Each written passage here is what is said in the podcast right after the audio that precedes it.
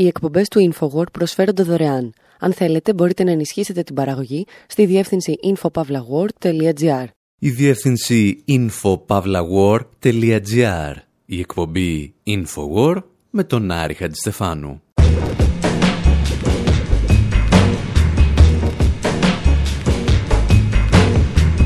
Όπου σήμερα αναρωτιόμαστε εάν ο Ρίτσαρντ Νίξον και ο Χένερ Κίσιγκερ ήταν αθρηστικά καλύτερα παιδιά από τον Ντόναλτ Τραμπ και κάποιους μιμητές του στην Ανατολική Μεσόγειο. Σκεφτόμαστε ότι για να αναγνωρίσεις την Ιερουσαλήμ σαν πρωτεύουσα του Ισραήλ πρέπει να είσαι ελαφρώς ηλίθιος, να έχεις ανοιχτούς λογαριασμούς ή να θέλεις να ξεκινήσεις ένα γενικευμένο πόλεμο στη Μέση Ανατολή. Στοιχεία που μας οδηγούν στο μέγα ερώτημα τι γυρεύουμε εμείς μέσα στη νύχτα των άλλων; Ζητάμε για όλα αυτά απεγνωσμένα τη βοήθεια του Νίλ Young και των Manic Street Preachers. Αναρωτιόμαστε εάν το Ισραηλινό λόμπι έβαλε το χεράκι του για την εκλογή του χειρότερου Προέδρου στη σύγχρονη ιστορία των Ηνωμένων Πολιτειών.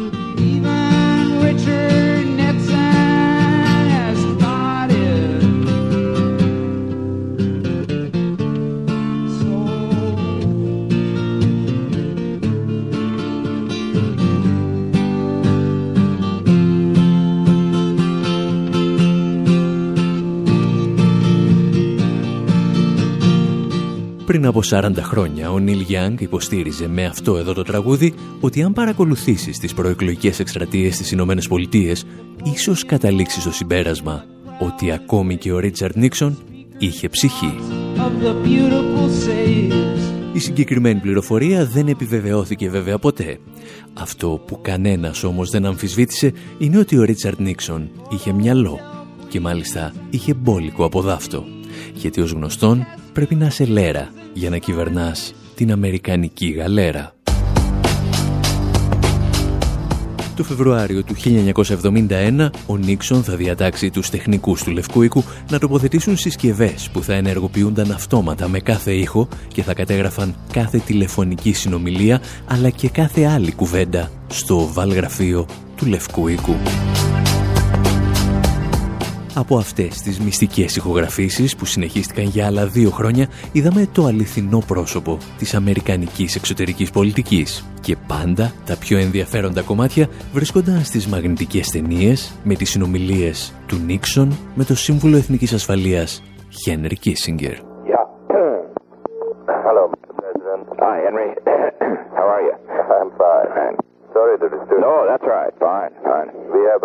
Δεκάδες από αυτές τις συνομιλίες κυκλοφορούν πλέον ελεύθερα στο διαδίκτυο. Μία από τις πιο σπάνιες όμως, για τις οποίες ελάχιστη αναφορά γίνεται τις τελευταίες δεκαετίες, είναι αυτή που ηχογραφήθηκε στις 29 Ιουνίου του 1972.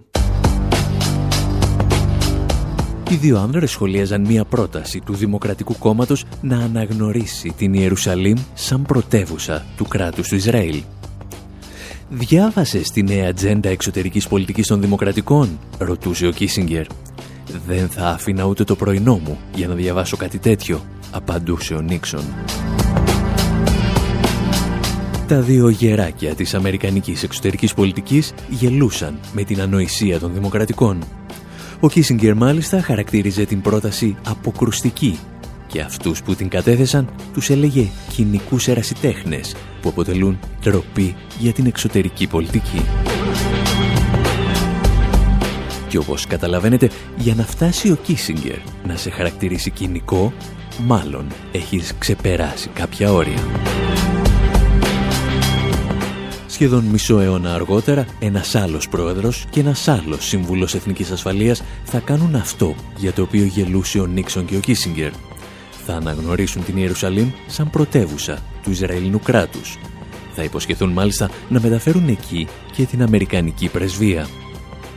Θα επιχειρήσουν έτσι να σβήσουν την Παλαιστίνη από τον χάρτη, ολοκληρώνοντας μια εθνοκάθαρση που ξεκίνησε πριν από έναν αιώνα με τη Συμφωνία του Μπαλφούρ ή, όπως θα έλεγε και ο Αμερικανός ράπερ Diamond D, σε διαγράφω, όπως ο Νίξον έσβηνε τις μαγνητοτενίες του.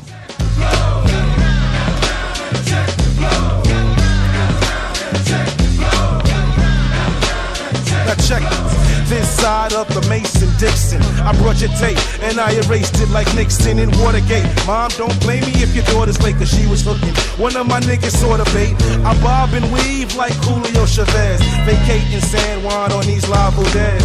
Trying to get these beaches, I cut off the dreads. Make them see run like they just seen the feds. Live life for 96, that's my motto. Look out for my peeps like Alphonse D'Amato. Witty and shifty describes my staccato. Peace done, the lyrical desperado.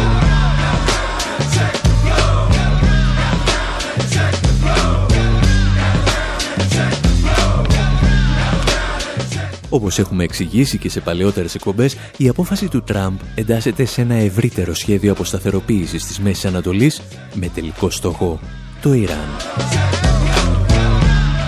Καθώς ο Άισις έχει σχεδόν εξαφανιστεί από την περιοχή, τρεις χώρες, οι Ηνωμένες Πολιτείες, το Ισραήλ και η Σαουδική Αραβία, έχασαν έναν πολύτιμο σύμμαχο.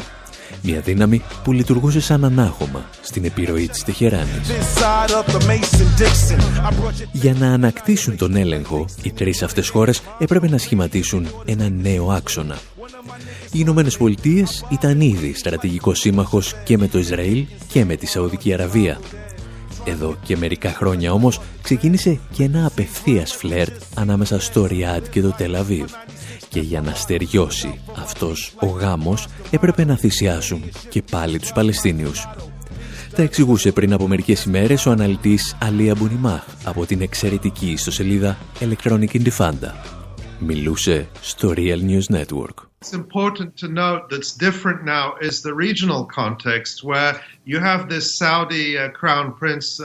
είναι σημαντικό να τονίσουμε ότι τώρα είναι διαφορετικό το γεωπολιτικό πλαίσιο. Έχουμε το διάδοχο πρίγκιπα της Σαουδικής Αραβίας, Μοχάμαντ Μπιν Σαλμάν, που πιέζει τους Παλαιστίνους να δεχθούν πράγματα που ούτε ο Αμπάζ δεν θα δεχόταν. Το κίνητρο σε αυτή την περίπτωση είναι να ξεμπερδεύουν με την Παλαιστινιακή υπόθεση, καθώς παρεμποδίζει την ολοκλήρωση της συμμαχίας του Ισραήλ με τη Σαουδική Αραβία, πως κύριο στόχο έχει το Ιράν. Η Παλαιστίνη είναι το θύμα σε αυτό το πομό. Υπό αυτή την έννοια, η Ιερουσαλήμ αποτελεί την πρίκα ή το γαμήλιο δώρο της Σαουδικής Αραβίας στο Ισραήλ. Uh, dowry or wedding gift to Israel. Η εθνοκάθαρση λοιπόν των Παλαιστινίων είναι το γαμήλιο δώρο της Σαουδικής Αραβίας και φυσικά και των Ηνωμένων Πολιτειών προς το Ισραήλ. Ο γάμος όμως χρειάζεται και κουμπάρους και φυσικά αρκετούς καλεσμένους. Και αυτοί μπορεί να προσποιούνται τώρα ότι γκρινιάζουν, αλλά εδώ και χρόνια είχαν εγκαταλείψει την Παλαιστίνη στα χέρια τριών κρατών τρομοκρατών. Τα αραβικά καθεστώτα και η Ευρωπαϊκή Ένωση είναι οι συνένοχοι σε αυτό το δράμα. There was a statement uh, today from the organization of the Islamic Conference, basically uh, 57... Σε ανακοίνωση του Οργανισμού της Ισλαμικής Διάσκεψης, 57 κυρίως μουσουλμανικά κράτη επιβεβαιώνουν ότι η Ιερουσαλήμ βρίσκεται υποκατοχή και ότι όλα τα μέτρα που εφαρμόζει το Ισραήλ είναι παράνομα. Το πρόβλημα είναι ότι το Ισραήλ εδώ και δεκαετίες τη βγάζει καθαρή, ενώ διώκει Παλαιστίνιους και καθίσταται στην Ανατολική Ιερουσαλήμ και στην υπόλοιπη Δυτική Όχθη.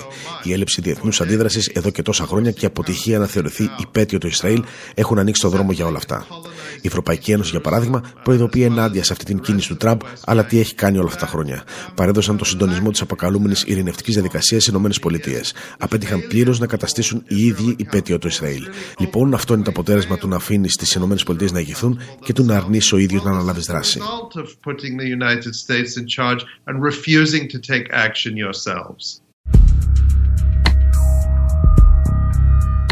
Ο Αλία Μπουνιμάχ είναι όπως εξηγήσαμε ένας από τους σημαντικότερους αναλυτές για το Μεσανατολικό και εδώ και χρόνια εξηγεί ότι η προδοσία των Παλαιστινίων δεν έρχεται μόνο από το εξωτερικό αλλά και από την ηγεσία της Παλαιστινιακής Αρχής. Όλους αυτούς που προσποιούνταν ότι η Ουάσιγκτον μπορεί να είναι ένας δίκαιος μεσολαβητής. This comes just months after Mahmoud Abbas stood side by side with Donald Trump out of uh, uh, Η απόβαση του Τραμπ έρχεται μόλις μερικούς μήνες αφού ο Αχμούντ Αμπάς στάθηκε δίπλα στον Ντόναλτ Τραμπ στο Λευκό Οίκο και είπε: Κύριε Πρόεδρε, με εσάς έχουμε ελπίδα. Αυτό είναι ακόμη ένα είδος ταπείνωσης για τον Αμπάς. Δεν πιστεύω ότι θα αλλάξει την προσέγγιση τους. Άκουσε σήμερα τους αξιωματούχου της Παλαιστινιακής Αρχής να λένε στα μέσα ενημέρωσης πως αυτό υποσκάπτει τη θέση των ΗΠΑ ως έντιμο διαμεσολαβητή. Πρέπει να είσαι εντελώς αφελής για να πιστεύεις ότι οι ΗΠΑ ήταν έντιμος διαμεσολαβητής και ότι μόνο τώρα φάνηκαν προκατελημένοι. Η πραγματικότητα είναι ότι η Παλαιστινιακή Αρχή δεν έχει άλλη στρατηγική. Βρίσκεται στη θέση της χάρη στην υποστήριξη των ΗΠΑ, του Ισραήλ και της Ευρωπαϊκής Ένωσης και όχι χάρη στην πραγματική υποστήριξη των Παλαιστινίων.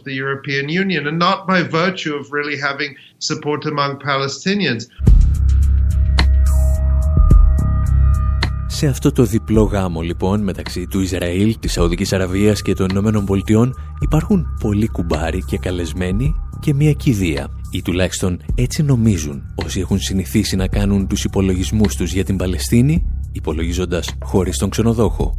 Υπολογίζοντας δηλαδή χωρίς την Ιντιφάντα. Αλλά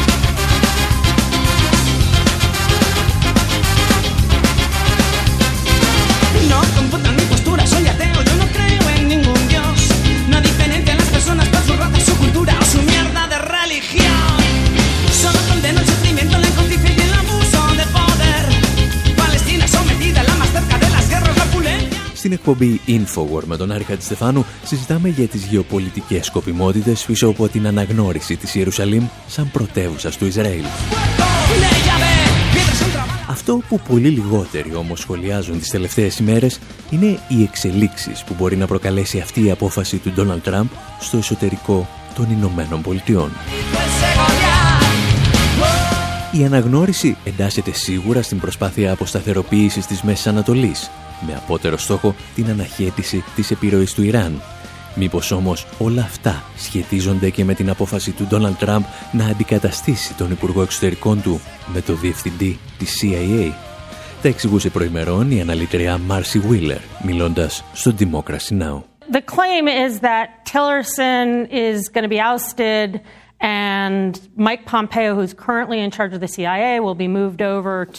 το σκεπτικό είναι ότι θα απομακρυνθεί ο Τίλερσον και στη θέση του στο State Department θα έρθει ο τωρινός επικεφαλής της CIA, Mike Pompeo. Στη θέση του Πομπέο θα μετακινηθεί ο γερουσιαστής της Επιτροπής Πληροφοριών, Tom Cotton. Το αποτέλεσμα είναι ότι παίρνεις κάποιον απαράδεκτο, όπως ο Τίλερσον, αλλά και πάλι καλύτερο από τον Πομπέο, και τοποθετείς δύο ανθρώπους με ίδιες απόψεις. Ο Πομπέο και ο Κότον είναι και οι δύο υπέρ των βασανιστήριων και υπέρ του Γκουαντάναμο, ενώ και οι δύο ζητούν διώξεις δημοσιογράφων. Πιστεύω όμως το βασικό θέμα είναι ότι και οι δύο είναι πρόθυμοι να χρησιμοποιήσουν τις μυστικές υπηρεσίες εναντίον του Ιράν. Ο Τίλερσον προσπάθησε να κρατήσει ανοιχτή τη διπλωματική οδό με τη Βόρεια Κορέα, αλλά επίσης δήλωσε ότι το Ιράν συμμορφώνεται με τη Συμφωνία για τα Πυρηνικά. Αντίθετα, ο Πομπέο και ο Κότον προσπάθησαν να το αρνηθούν. Είναι σαν να προσπαθείς να τοποθετήσεις δύο γεράκια εναντίον του Ιράν στο State Department και στη CIA.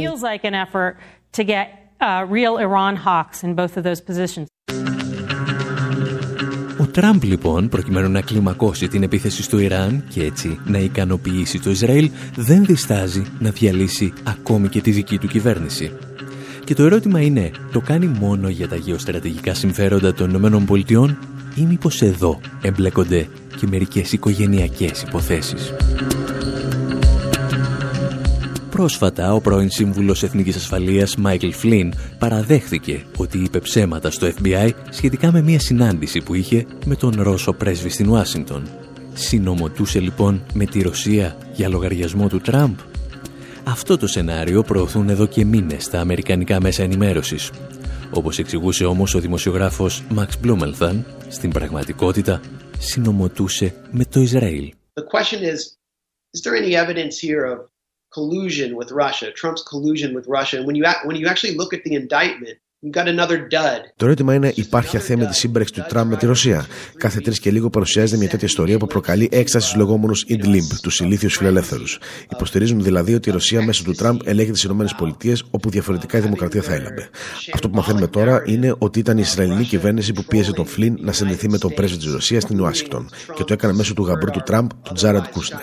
Ήθελαν έτσι να πιέσουν τον Ρώσο πρέσβη για να μην περάσει ένα ψήφισμα του ΟΗΕ που καταδίκαζε τους Ισραηλινούς επικισμούς. Ο Κούσνερ και η οικογένειά του έχουν ιδιαίτερες στενού δεσμού όχι μόνο με το Ισραήλ, αλλά προσωπικά με τον Νετανιάχου.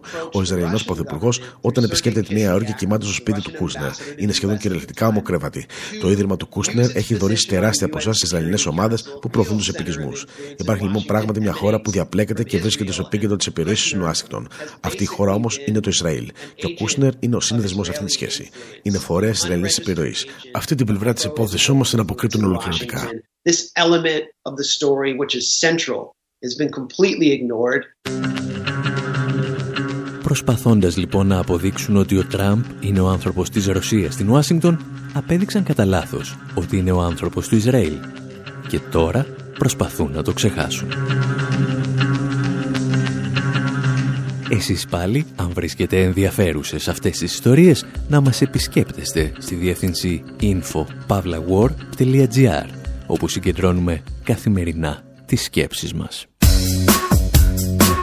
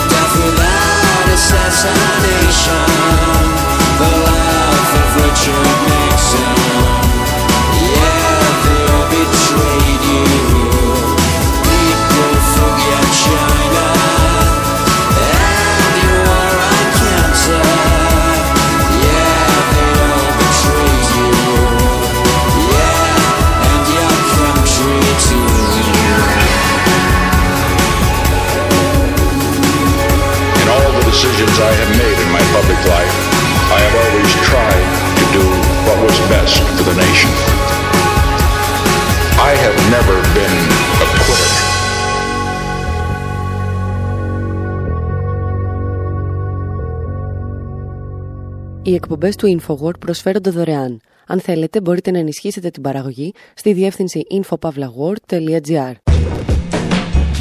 Εκπομπή InfoWord με τον Άρη Στεφάνου, μέρος δεύτερο. Όπου σήμερα επανερχόμαστε ύστερα από πάρα πολλά χρόνια στην Παλαιστινιακή Hip Hop.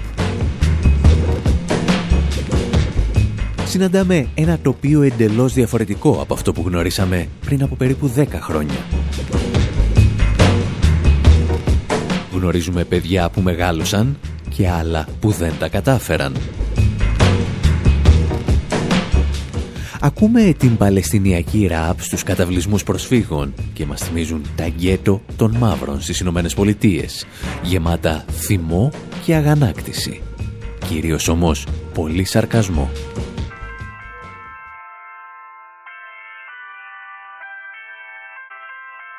Mama, I have bad news.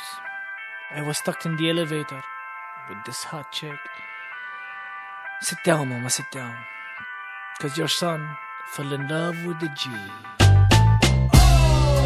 I'm in love with the Jew. I fell in love with the. Her skin is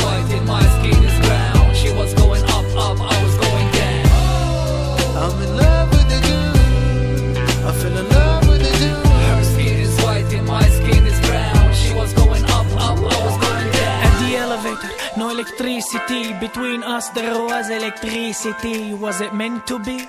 Could she be the one? Her name is not Janie, but she's got a gun. Do I speak Hebrew a bit hard for me? Yeah, Shavodah means you got a job for me. Does she speak Arabic? She said a word or two. Wakif ya batukhak means freeze or I shoot. she felt suffocated. I felt that the elevator's bigger than my house. House. She felt sweaty, so she got ready and she changed her blouse. Ouch, ouch. I had to make a move soon. Looks better on you. The green don't suit you. She was cool. She made a move too. She said without the sniper lens, you look cute too. Oh, I'm in love with it too. I fell in love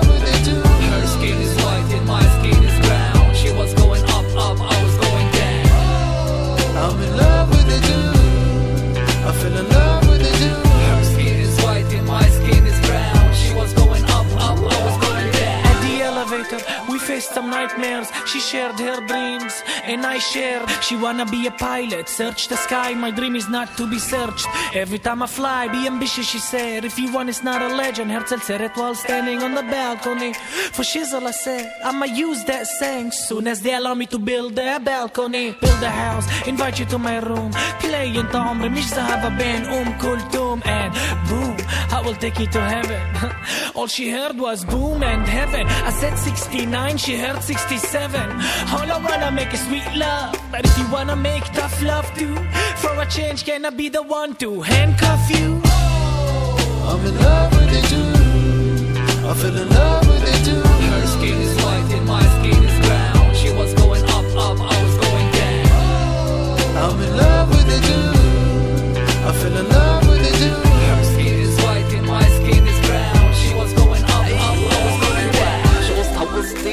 Ο τραγουδιστής των Dam, ίσως του γνωστότερου hip-hop συγκροτήματος, βρίσκεται εγκλωβισμένος σε ένα σανσέρ με μία Εβραία. Υπάρχει, λέει, ένας ηλεκτρισμός στην ατμόσφαιρα και τώρα που συναντιούνται χωρίς να κοιτάζει ο ένας τον άλλο πίσω από τις διόπτρες κάποιου όπλου, δείχνουν συμπαθητικοί. I'm in love, I'm in love, I'm in love. Και αν νομίζετε ότι αυτό είναι ένα ρομαντικό τραγουδάκι για τον έρωτα στη Μέση Ανατολή, να το ξεχάσετε. Αυτή, λέει, ήταν λευκή και πήγαινε προς τα πάνω, ενώ εγώ είχα σκούρο δέρμα και κατέβαινα προς τα κάτω. Αυτή ήθελε να γίνει πιλότος. Το δικό μου όνειρο ήταν απλώς να μην με γδίνει η ασφάλεια κάθε φορά που παίρνω το αεροπλάνο. Ο ήρωάς μας προσπαθεί, αλλά όλα πηγαίνουν από το κακό στο χειρότερο. Αυτός θέλει να την στείλει, λέει, στον ουρανό και αυτή νομίζει ότι θέλει να την τεινάξει στον αέρα. Αυτός της μιλάει για 69 και αυτή ακούει 67. Σκέφτεται μάλλον τα σύνορα της περίοδου του πολέμου των 6 ημερών. Και ύστερα ο ήρωάς μας τη ζητά ευγενικά «Θα μπορούσαμε, έστω και σαν εξαίρεση, να φοράς για μια φορά εσύ τις χειροπέδες. I'm in love, I'm in love, I'm in love, I'm in love, I'm in love, I'm in love, I'm in love, I'm in love. I'm in love with you too. I feel in love with you too. Her skin is white and my skin is Μιλώντας πριν από μερικά χρόνια στο Vice, ο τραγουδιστής των Dam, Ταμέρ Ναφάρ, εξηγούσε τι είχε στο μυαλό του όταν έγραφε το τραγούδι του με τίτλο «Μαμά, αγάπησα μία Εβραία». It's a sarcastic song. It's it's a made up story. Because everyone's talking about how come the Jews and the Arabs don't get along, they should coexist. Είναι ένα σαρκαστικό τραγούδι. Είναι μια ιστορία που φτιάξαμε. Γιατί όλοι ρωτάνε πώς γίνεται οι Εβραίοι και οι Άραβες να μην τα βρίσκουν μεταξύ τους. Θα έπρεπε να συνεπάρχουν. Και το μήνυμα του τραγουδιού είναι ότι δεν μπορούμε να συνεπάρχουμε όταν η μια πλευρά δεν υπάρχει. Οι Παλαιστίνοι δεν υπάρχουν. Δεν έχουμε τη χώρα μας, δεν έχουμε τα εδάφη μας, δεν έχουμε το ένα, δεν έχουμε το άλλο. Οπότε δεν υπάρχουμε. Είναι σαν να μας ζητούν να συνεπάρξουμε ενώ δεν υπάρχουμε. Αυτό λέει το τραγούδι. Στο Ασασέρ αυτή ανέβαινε, εγώ κατέβαινα. Ακόμα και αν μιλάμε για τη δική τους εργατική τάξη και τα λεφτά και τη γειτονιά τους, πάλι εμείς είμαστε από κάτω. Talk about the working class and the money part and the neighborhoods. They are up, we are down. I'm in love, I'm in love, I'm in love. I'm in love. Οι Dam, από τα αρχικά των λέξεων The Arabian MCs, θεωρούνται οι πατέρες της παλαιστινιακής hip-hop. Και η μουσική που τους έκανε γνωστούς δεν ήταν αυτό που θα λέγαμε easy going. Ήταν τραγούδια σαν το Maynard Happy. Ποιος είναι ο τρομοκράτης? مين الهابي انت الهابي مين الهابي مين الهابي مين الهابي مين الهابي مين الهابي مين الهابي مين الهابي انت الهابي مين الهابي انا ارهابي كيف ارهابي وانا عايش ببلادي مين الهابي انت الهابي ماكلني وأنا عايش ببلادي. قتلني زي ما تلت اجدادي. أجل القانون على الفاضي ما انت قاعد وبتلعب دور الشاهد المحامي والقاضي. علي قاضي. نهايتي بادي حلمك انقل فوق معنى آلية. حلمك لآلية تصير بالمقابر اختارية ديمقراطية. والله انكم ناسية. من كثر ما اغتصبتوا النفس العربية. حبلت ولدت. ولد اسمه عملية انفجارية وهنا ديتنا إرهابية. يعني ضربتني وبكيت سبقني واشتكيت لما ذكرتك إنك بديت. نطيت وحكيت. ما أنتوا بتخلوا ولاد صغار يرموا حجار ما لهمش أهل يدبوهم بالدار. إيش كنه نسيت إنه سلاحك ضب الأهل تحت الحجار وهلا لما وجع الفار بتناديني ارهابي مين ارهابي؟ أنا ارهابي كيف ارهابي وأنا عايش في بلادي؟ مين ارهابي؟ أنت ارهابي ماكلني وأنا Ποιος είναι ο τρομοκράτης, αναρωτιούνται οι Ντάμ. Εγώ που ζούσα στη γη μου όταν ήρθες να την πάρεις σκοτώνοντας εμένα και τους προγόνους μου. Θέλεις να σε αντιμετωπίσω στο πλαίσιο της νομιμότητας, αλλά είσαι ταυτόχρονα ο αυτόπτης μάρτυρας, ο δικηγόρος και ο δικαστής. Και η δημοκρατία σου μου θυμίζει τόσο πολύ τον ναζισμό. Διάσατε την ψυχή των Αράβων, συνεχίζουν οι Ντάμ. Την αφήσατε έγκυο και γέννησε ένα παιδί που λέγεται τρομοκρατία.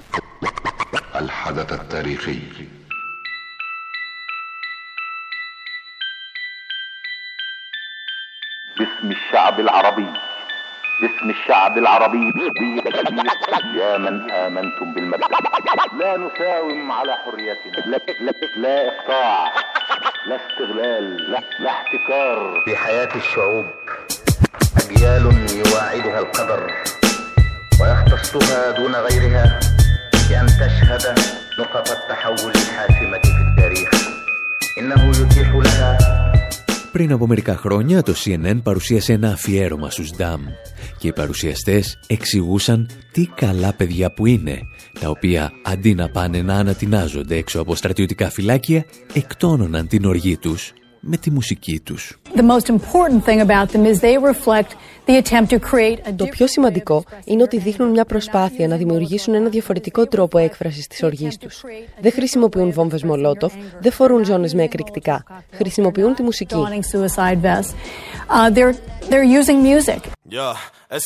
Yeah, يا يا صوت غريب من الايقاع هلا طالع صوت غريب كل دينين هلا مازع صوت اللي بيخلي الاطرش يكون سامع هذا سامح بيعمله مش مخترع بارع اول طريقي كانت Έκτοτε το συγκεκριμένο επιχείρημα επαναλαμβάνεται μονότονα. Η τέχνη και ο πολιτισμός, λένε, είναι αντίδοτο στη βία. Και αυτά τα παιδιά βρήκαν το σωστό δρόμο. Αναρωτιόμαστε βέβαια εάν στο δεύτερο παγκόσμιο πόλεμο θα έλεγε κανείς τους Έλληνες αντάρτες και τους Ιουγκοσλάβους παρτιζάνους να αφήσουν τα εδάφη τους στους κατακτητές και να φτιάξουν κανένα συγκρότημα για να εκτονώνουν την οργή τους.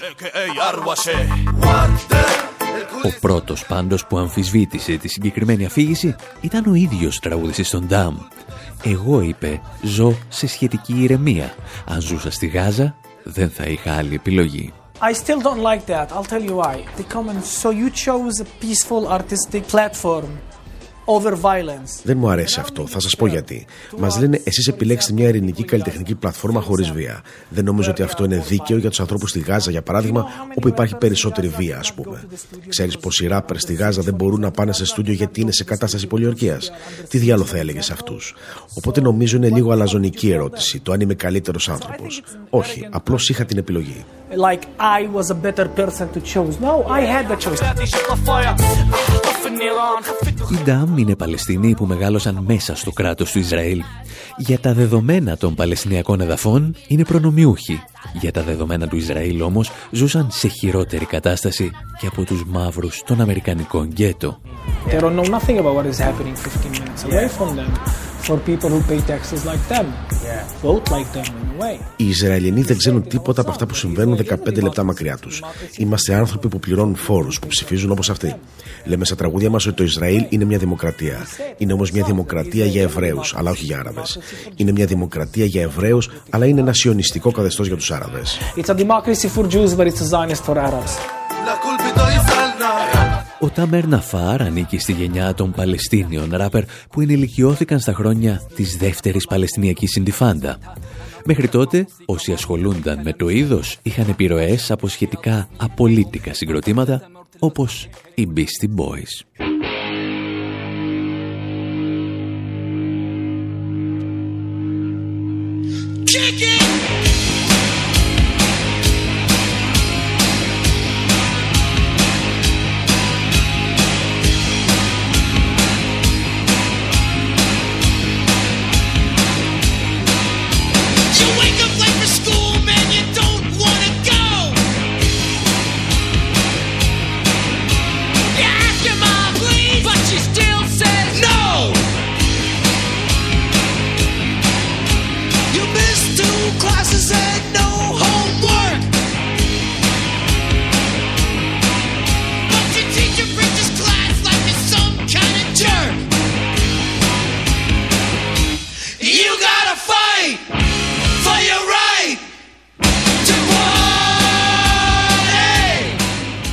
Καθώς όμως οι οδομαχίες αυξάνονταν στα κατεχόμενα παλαιστινιακά εδάφη, τα συγκροτήματα άρχισαν να αναζητούν τον πολιτικό στίχο.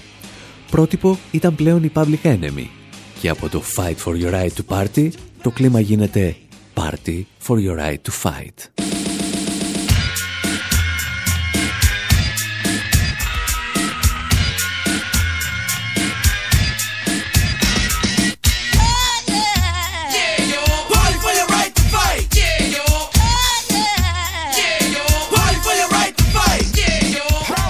Συνθήκες όμως δεν επέτρεπαν τέτοιου είδους μουσικούς πειραματισμούς.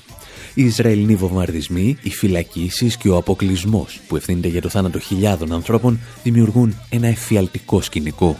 Εκείνες τις ώρες το να αναζητάς στούντιο για να ηχογραφήσεις hip-hop τραγούδια ήταν μάλλον πολυτέλεια.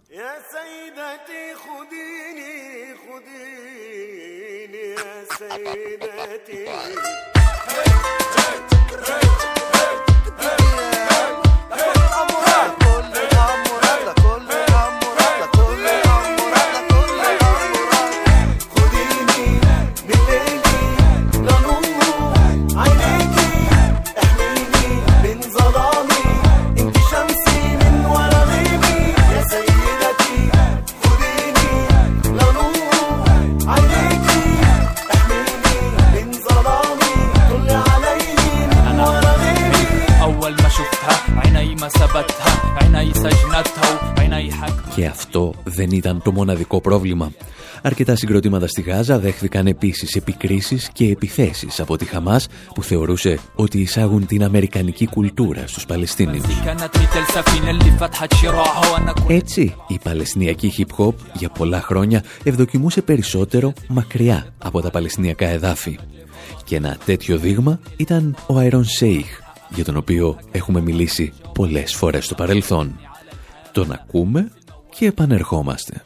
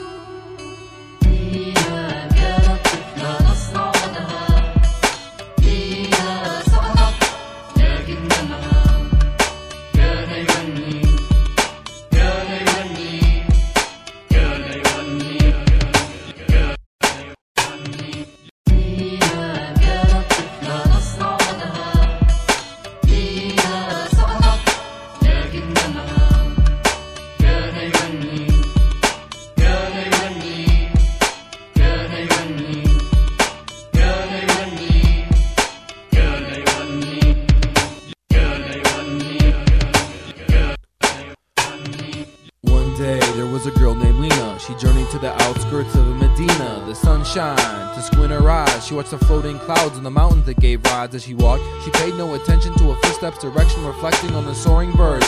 The wings moved in forms like the Arabic words that she studied forever. Suddenly a bird dropped a feather to descend from heaven. She was age 11, like the feather she was also very thin. She ran to catch it every step in connection to the feather's motion. Ο Άιρον Σέιχ, τον οποίο ακούμε, ζει στις Ηνωμένε Πολιτείε και αποτελούσε για χρόνια μία από τις πιο αναγνωρίσιμες φωνές της παλαιστινιακής hip-hop σκηνής. Στα τραγούδια του καταδίκαζε το Τελαβίβ, σειρά Αμερικανών Προέδρων και την αντιμετώπιση των Αράβων μέσα στις Ηνωμένε Πολιτείε. You know, it's kind of hard being ought to be in this country because every time something goes wrong, you're the first one they look at. Every time something bad happens, they bring out the usual suspects. Mm-hmm. They blame the Arab. Mm-hmm.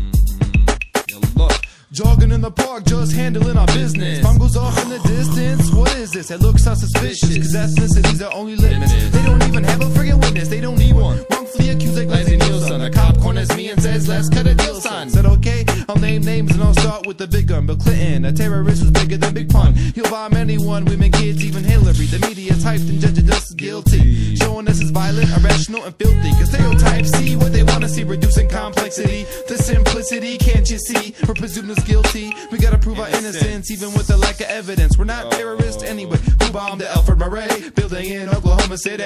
It was a honky called Timothy McVeigh. Yet again, they blamed us again and again. Here we go.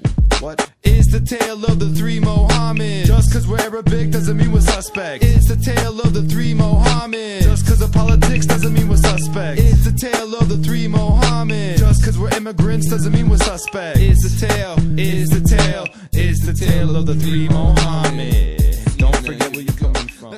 Και όταν ο Άιρον Σέιχ σταματούσε να διηγείται προσωπικές ιστορίες στοχοποίησης στις Ηνωμένες Πολιτείες, ξεκινούσε μια φανταστική συνομιλία με τον διάσημο ακαδημαϊκό Έντουαρτ Σαΐντ. Εδώ χρησιμοποιεί μια ομιλία του από το Πανεπιστήμιο του Μπέρκλεϊ και στείνει την εξής στοιχομηθεία. And now, ladies and gentlemen, please welcome the Chancellor of the University of California, Berkeley. Mm, mm, mm, thank you, thank you. Thank you very much, everybody. Thank you, thank you. Not supposed to hiss. Hiss, hiss, hiss, hiss. On hiss. behalf of the entire Berkeley community, blah, blah, blah, I want to welcome everyone here tonight to this important lecture. Here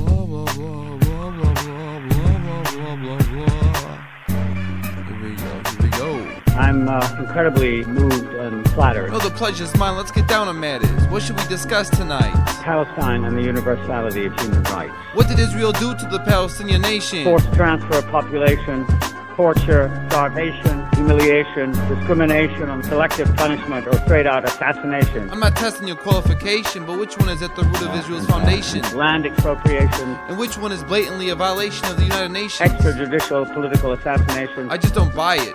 We got the UN, we even Security it? Council has been expressing varying degrees of disquiet. Well, we gotta fight for Human rights. Or else. There's simply no end in sight. We gotta fight for Human rights. Or else. There's simply no end in sight. There can be no We gotta arguing fight about for. that. Human rights. Or else. There's simply no end in sight. First, we gotta call it Human rights. Or else. There's simply no end in sight. Ο Σαΐντ μιλάει για τις δολοφονίες που πραγματοποιούν μέλη του Ισραηλινού στρατού. Μιλάει για τις σφαγές αμάχων και τα Παλαιστινιακά στρατόπεδα προσφύγων. Μιλά για τις φυλακίσεις και τις εκτοπίσεις εκατομμυρίων ανθρώπων από τον Ισραηλινό στρατό, αλλά και τη συμπεριφορά των Ισραηλινών επίκων.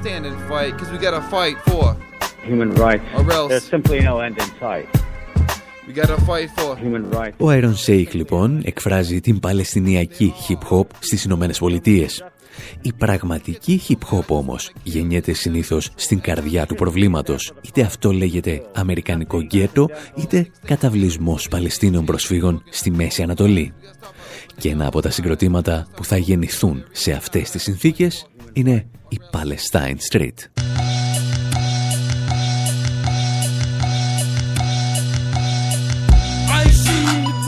فيه أنا وأنت صامد. سياسة صهيونية عليها أنا وأنت حاقد تشريعات قومية سلبية وهمية أنا إلها رافض. حلمي جملة لكلمة إني أكون عائد. أيوه عائد أيوه صابر أيوه خالد بارضي أنا رابط. مش ساكت لا إني راجع لبلدي. بيت عطاب بعد ما عملوها كلها خراب فكروا حطموا املنا شتتوا أهلنا. دمروا بيوتنا ما خلوا فيها باب. دخل علينا كتير يهود بس ضلينا إحنا أسود. من صمود لصمود آخريتنا راح نعود. سموه البلد الموعود فلسطين المقصود. قلنا عيشي بالهيجة مش عيشي. إلنا سنين نستنى حق العودة يجي. لا بيت عطاب ولا ندفع جل بريك وذكرين. الوطن راجع مع مرور الزمن مش ناسيين مش ناسيين مش ناسيين. قلنا عيشي بالهيجة مش عيشي. إلنا سنين نستنى حق العودة يجي. Οι Palestine Street τραγουδούν για τον προσφυγικό καταβλισμό του Ντεϊσέχ στην κατεχόμενη Δυτική Όχθη. Πριν από 10 χρόνια αποτελούσαν το μοναδικό συγκρότημα παλαιστινιακής hip-hop στη Βιθλέμ. Έπρεπε πρώτα να επιβιώσουν οι ίδιοι, μετά να μάθουν μουσική και στη συνέχεια να νικήσουν τους δισταγμούς και τις απαγορεύσεις και της δικής τους κοινότητας και τα κατάφεραν. Το 2013 μάλιστα βοήθησαν στη δημιουργία και του πρώτου γυναικείου συγκροτήματος Παλαιστινιακής hip hop. Για άλλη μια φορά βέβαια οι Palestine Street αντιμετωπίστηκαν σαν ένα συγκρότημα που αντικαθιστά τη βία των εξεγερμένων με τη μουσική. Για άλλη μια φορά όμως τα πράγματα δεν ήταν τόσο απλά. Όπως εδώ στο τραγούδι τους An Institutional Wedding έχουν να πούν μερικές κουβέντες για τις μη κυβερνητικέ οργανώσεις που πουλάνε αγάπες και λουλούδια σε μια κατακτημένη γη. بعطوني مصاري بعطوك مصاري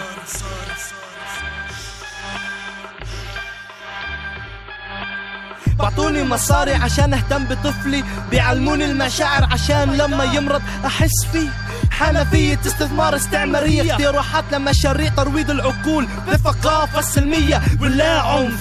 بس ممنوع تحكي عن طفل مات بالقصف. عن غزة. إعادة هيكلية الثائر الفلسطيني فكريا. الحلم النضالي بيكون ممسوح جذريا. طريقة جديدة في المقاومة وفق الأهداف الأمريكية. تاريخ حديث لا تاريخ تغيير مخيف لا جغرافيا. مش راح أكون غاندي طول ما النوايا اتجاه وجودي. مش صافية. يا أبناء شعبي إذا أردتم يوما الحياة فلا بد لمؤسساتهم أن تندثر لمؤسساتهم أن تندثر يا عمي بدناش منكم مصاري لو عندكم وطن اعطونا Μας κάνουν προτάσεις, τραγουδούν οι Palestine Street, για νέα project που θα φέρουν ειρήνη στο μυαλό μας μέσω της μη βίας. Κι όμως μας απαγορεύουν να μιλάμε για ένα παιδί που δολοφονήθηκε στη Γάζα. Αν θέλουμε πραγματικά την ελευθερία, αυτές οι μη κυβερνητικές οργανώσεις πρέπει να φύγουν από τον τόπο μας. Και αυτό είναι πάντα το πρόβλημα με τις μουσικές που γεννιούνται στα γκέτο και τους προσφυγικούς καταβλισμούς. Όσο και αν προσπαθήσεις να τα κλαδέψεις και να τα καλοποιήσει, πάντα τα λουλούδια αυτά κρατάνε μερικά αγκάθια.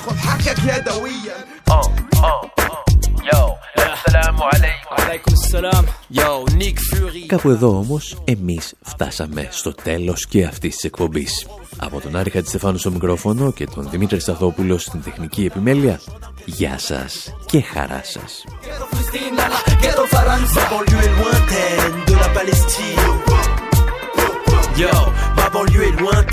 De la Palestine.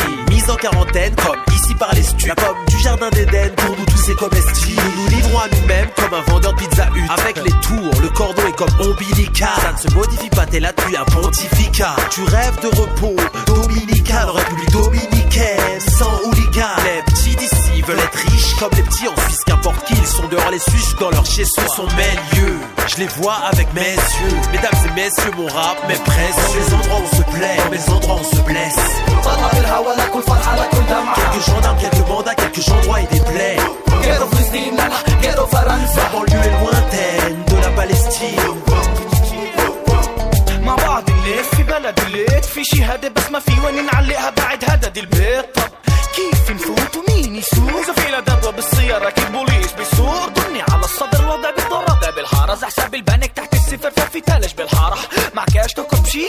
فجأة سي 500 إذا مش محامي أكيد تعرف كتير محامية.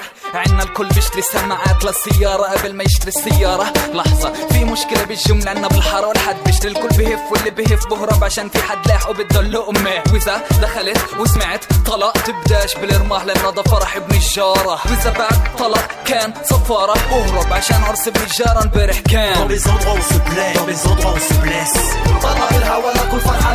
Quelques gendarmes, quelques mandats, quelques endroits et des plaies. La banlieue quiero zaranza.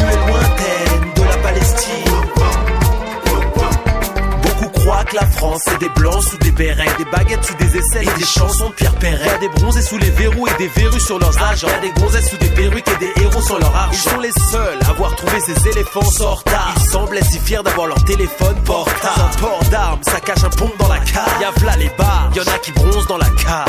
Nick Fury, la caution sur le terrain. Sûr de ses punks, de ses pains et de ses chiens. Moi, mon endroit, je l'aime, c'est pour la vie, je pense. No doubt, un amour, la vie de les où on se blesse. Quelques gendarmes, quelques mandats, quelques endroits et des plaies. La banlieue est lointaine de la Palestine. بدي اشكر الشرطة على كفوفها بتصحصحنا وعلى هدم بيوت جيراننا شكرا ساعدونا نحوش حجارة